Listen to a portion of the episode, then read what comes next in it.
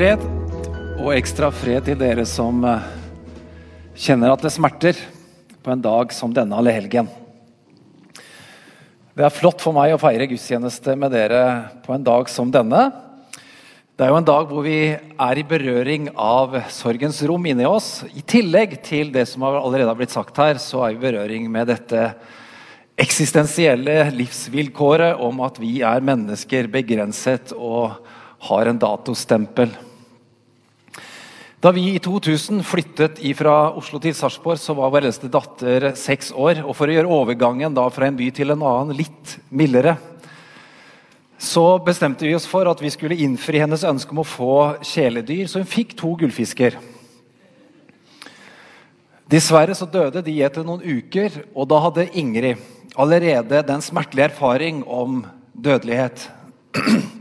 Hun hadde allerede deltatt i en begravelse for hennes bror, som døde i dødfødsel mens vi bodde her i Oslo.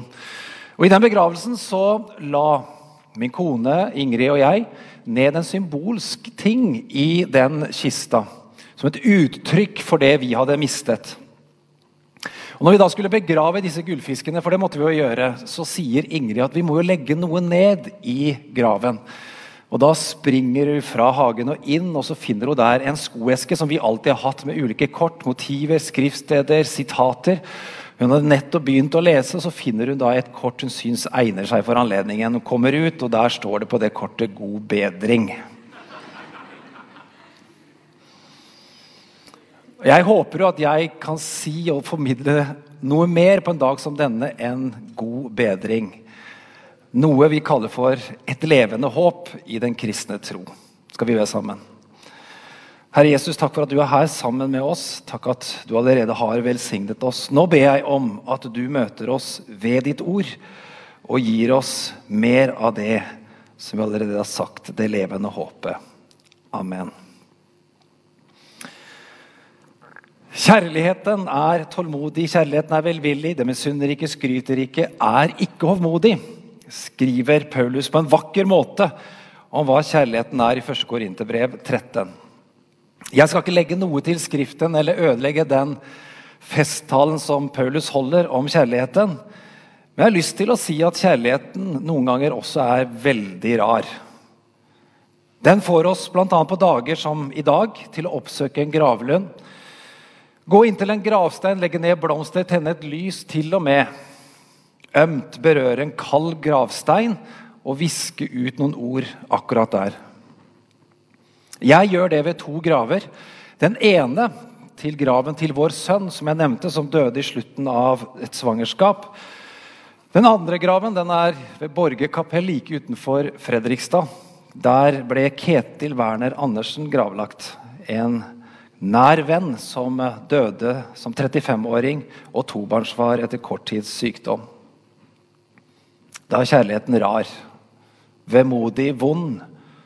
Noen ganger også godvond. Det er da sorg og savn har paret seg med takknemlighet over gode minner. Det er kjærlighetens utrolig mange ansikt og lag. Lik døden og vår dødelighet som jo er ett fenomen, dette at vi skal separeres fra det biologiske livet som vi lever, men som likevel kommer til oss på så utrolig mange forskjellige måter og valør. Første gang jeg opplevde et bevisst møte med min egen dødelighet, ja, med døden selv, da var jeg kun fem-seks år gammel. Og Både døden og jeg ble egentlig rundlurt. Vi bodde i Paraguay, mine foreldre var misjonærer der. Og Det hele startet med to uskyldige sår på høyre lår som ble infisert med gule, hissige stafylokokker. Kroppen ble betent, så betent av de fleste indre organer kollapset. Og Legene på dette amerikanske sykehuset i Asuncion sa til slutt til mine foreldre at det er ikke noe mer vi kan gjøre, så dere må ta avskjed med sønnen deres. Jeg husker ingenting av de fysiske smertene jeg bar på. Jeg kan erindre at jeg måtte gjennom et par operasjoner. Men det som risset seg fast i en ung sjel, det var jo dette at jeg måtte ta avskjed. Adjø med livet og med de jeg hadde kjær. Jeg hadde bl.a. denne samtalen med faren min.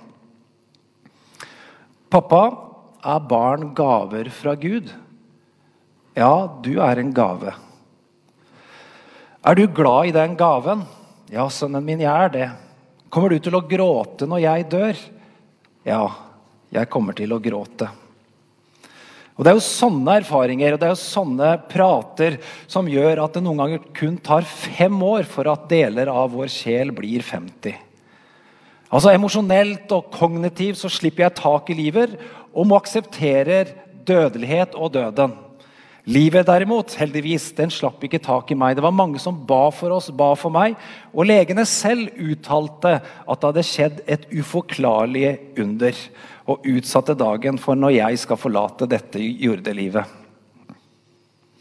Min opplevelse det var at jeg var midt i en sånn voldsom practical jokes. Jeg vet ikke om du har vært med på det. Den er overdrevet, sånn at du klarer ikke følelsesmessig egentlig å delta og le av hele den spøken. Det tok tid før jeg klarte å være takknemlig for det som hadde skjedd. Men i dag er jeg selvfølgelig det. Siden så har døden kommet på mange forskjellige måter. Noen ganger på silkeføtter som den gangen oldemor, god og mett av dager, forsonet med Gud, i fred sovnet inn med sine kjære rundt seg. Andre ganger så har den kommet ubedt, brått og brutalt, som den gangen en veldig god venn i russetiden falt ned fra brygga i Fredrikstad ned i en mørk og stri glomma som han ikke behersket. Og Som pastor i mange år så har jeg vært tett på mennesker som har opplevd det Bibelen kaller for livets forgjengelighet. Den siste varianten som jeg har opplevd, det er gjennom dette usynlige virus vi kaller for covid-19. Et fenomen, men med så mange ansikt, altså. Bibelen kaller døden for vår siste fiende. Jeg må fortelle om de som hadde vært gift i over 60 år. Nå lå kona syk, sannsynligvis på det siste, og mannen som hadde vært trofast i alle år, våket over henne. Og Da var tiden for mannen å få vite hva hun hadde i den esken hun hadde i garderobeskapet. For Da de var nygift, så hadde hun fått sagt til mannen sin om at du må aldri, aldri snoke og se hva som er i den esken. Det er min, og den er privat. Og Han lovte det, holdt løftet sitt, men nå var endelig tiden da kommet. Derfor tar han esken han dekte ut, setter seg ved sengekanten, åpner lokket, og der ser han oppi esken over 60 000 kroner. Og to sånne hjemmelagde eh, hekledokker. Kona avslører om at da de skulle gifte seg, så fikk hun et godt råd av sin mormor. Og det var at hver gang du blir så sint på ektemannen din at du har lyst til å forlate han eller ta kverken på han, så skal du ikke si noe, men du skal gå for deg selv, og så skal du lage hekledokker. Han ser ned igjen. To på over 60 år. Han blir jo varm om hjertet og enda mer glad i henne enn det han noen gang, noensinne har vært. Disse 60 000 de det, det, kommer fra du vet, det markedet på torget som jeg dro til hver lørdag, som du aldri ville være med på. Jeg solgte dokkene der for 20 kroner stykk, sa hun. Så forskjellig kan fortellingen om innholdet i en eske fortone seg. Og med så forskjellig blikk kan vi også se på innholdet av en eske. Og så forskjellig blikk går vi ut i livet og lever ut våre livsfortellinger. Og ikke minst på en dag som denne. Hva slags blikk har vi? Hva slags fortelling, grunnfortelling har vi på, en dag som denne? Dette er dagen som minner oss om at den kroppen vår, som i dag er stor og sterk og tar oss dit den vil, vil en dag svikte oss. Og alle hyggelige treff du og jeg har med våre venner i dag, er også en påminnelse om at det kommer en dag som byr på en sorgfull avskjed. Dette er dagen som forteller om at noen ganger selv håpet må bøye nakken for vår siste fiende, døden. Dette er ikke dagen for practical jokes, for spøk. Og Jeg lurer på om ikke det var slik de opplevde det, disse kvinnene som på påskemorgen pakket sine balsamsaker og oppsøkte graven der Jesus ble lagt etter at han døde på et korstre. For kjærligheten er jo rar. Den gjør at vi går til sånne steder. Når de kommer dit, så blir alt kaos, for graven er tom. Og borte er da den steinen de skal berøre. Borte er det stedet der de kan få uttale disse ordene til han som ikke er der lenger.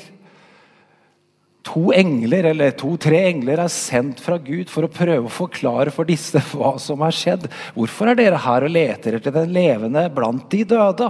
De tenker at dette er en spøk, altfor alvorlig på en dag som den. Det avsløres, for de forteller dette videre til Jesu nærmeste venner. Og Det står da i evangeliene om at de spredte rare rykter. Om at han var stått opp, og da legemet var borte. Inntil de én og én selv møtte den oppstandende Jesus.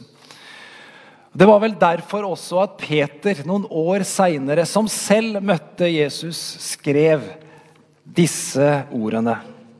Lovet være Gud, vår Herre Jesu Kristi Far, Han som i sin rike miskunn har født oss på ny, til et levende håp ved Kristi Jesu oppstandelse fra de døde, til en arv som aldri forgår, aldri skitnes til, aldri visner.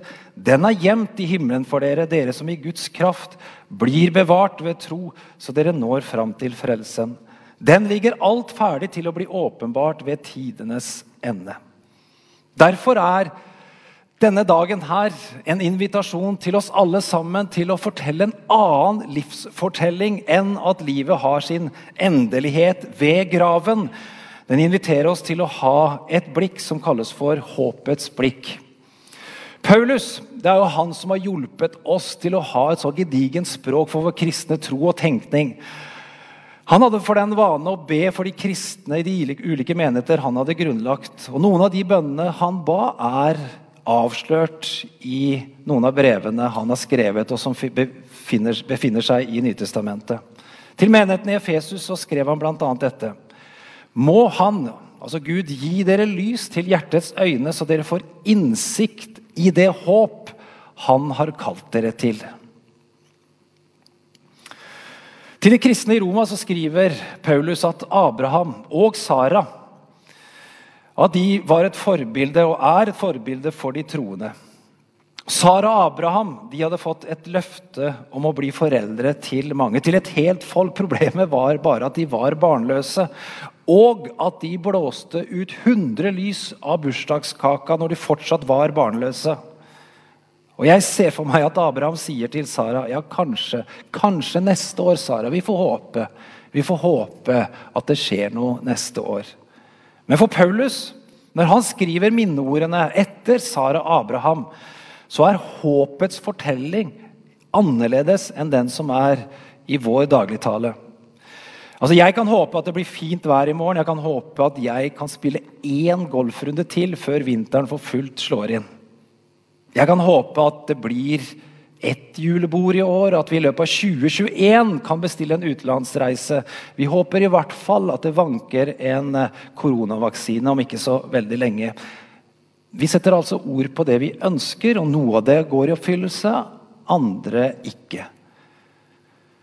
Når Paulus skriver om håpet, så er det nesten som han sier mot seg selv når han skriver om Sara og Abraham. Selv om alt håp var ute, holdt Abraham fast på håpet og trodde. Det er som om Abraham da så på bursdagskaka med disse hundre lys og på Saras livs, livsløse morsliv med to helt forskjellige blikk. Det ene var jo selvfølgelig med disse øynene her, som tar imot disse elektromagnetiske lysbølgene som går gjennom øynene, og der inne fortolkes de, bearbeides de, skaper bildet. Og da skjønner jo Abraham at alt håp er ute. Men så sier altså Bibelen, Paulus, om at Gud kan åpne våre hjertes øyne, slik at vi ser med et annet blikk. Det blikket som ser det håpet som Gud har kalt oss til. Jeg har lyst til at vi skal se nærmere på to andre også som fikk et nytt syn og en ny livsfortelling i sine liv. Vi møter dem i Lukas kapittel 24. Vi kaller dem ofte for Emmaus-vandrerne. Håpet var ute. De hadde fulgt Jesus, håpet at han skulle være Messias, men han endte altså på et korstre og i en lånt grav. Så går de fra Jerusalem, som jo er håpets by, til Emmaus, fra øst til vest, fra soloppgang til solnedgang. Og Så går de der og samtaler, og så dukker altså en fremmed mann. og Ikke vet de at det er nettopp det levende håpet som går ved siden av dem inkognito på to bein. Den ene blir avslørt heter Kleopas, den andre forblir navnløs. Men jeg har en teori og en tanke på at den andre er kona til Kleopas. For i Johannes evangelium så skriver Johannes om at Maria, Det var mange Mariaer rundt Jesus, og ikke minst da rundt Jesu kors. Kona til Klepos. Så leser vi også litt ut i denne fortellingen om at da de kom til Emaus, så inviterte disse to Jesus med seg hjem og inn i deres hjem. Vi vet ikke med sikkert, men la oss tenke da, at det er Maria og det er Kleopas. Et ektepar som har mistet alt håp. Og så går de der. Og hvis de er som kona mi og meg, så har vi lett for å krangle når vi er stressa, når vi opplever litt sånn store belastninger. Maria sier kanskje til Kleopas du skulle ha vært der. Hvorfor stakk du av? Som alle dere andre gutta også gjorde, bortsett fra én. Det var Johannes. Ja, men hva skulle vi ha gjort forskjell? Om jeg hadde vært der, så kunne livet mitt også endt opp på samme måte som Jesus sin. Hva godt hadde det vært? Ja, men for min skyld, i hvert fall. For min skyld, Kleopas. Du burde ha vært der, for jeg trodde det samme. Jeg håpet det samme. Og det er dette som er litt krevende med sorg. Det er at mor og far som har mistet et barn, de kan oppleve det ulikt. Og så er det ulike sesonger og ulike dager. Det er krevende å sørge sammen, for det kan uttrykkes og oppleves så forskjellig. Kanskje det var det de diskuterte.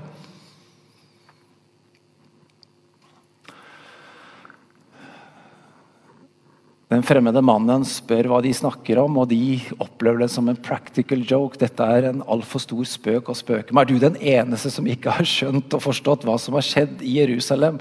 Så forteller de da om Jesus til Jesus.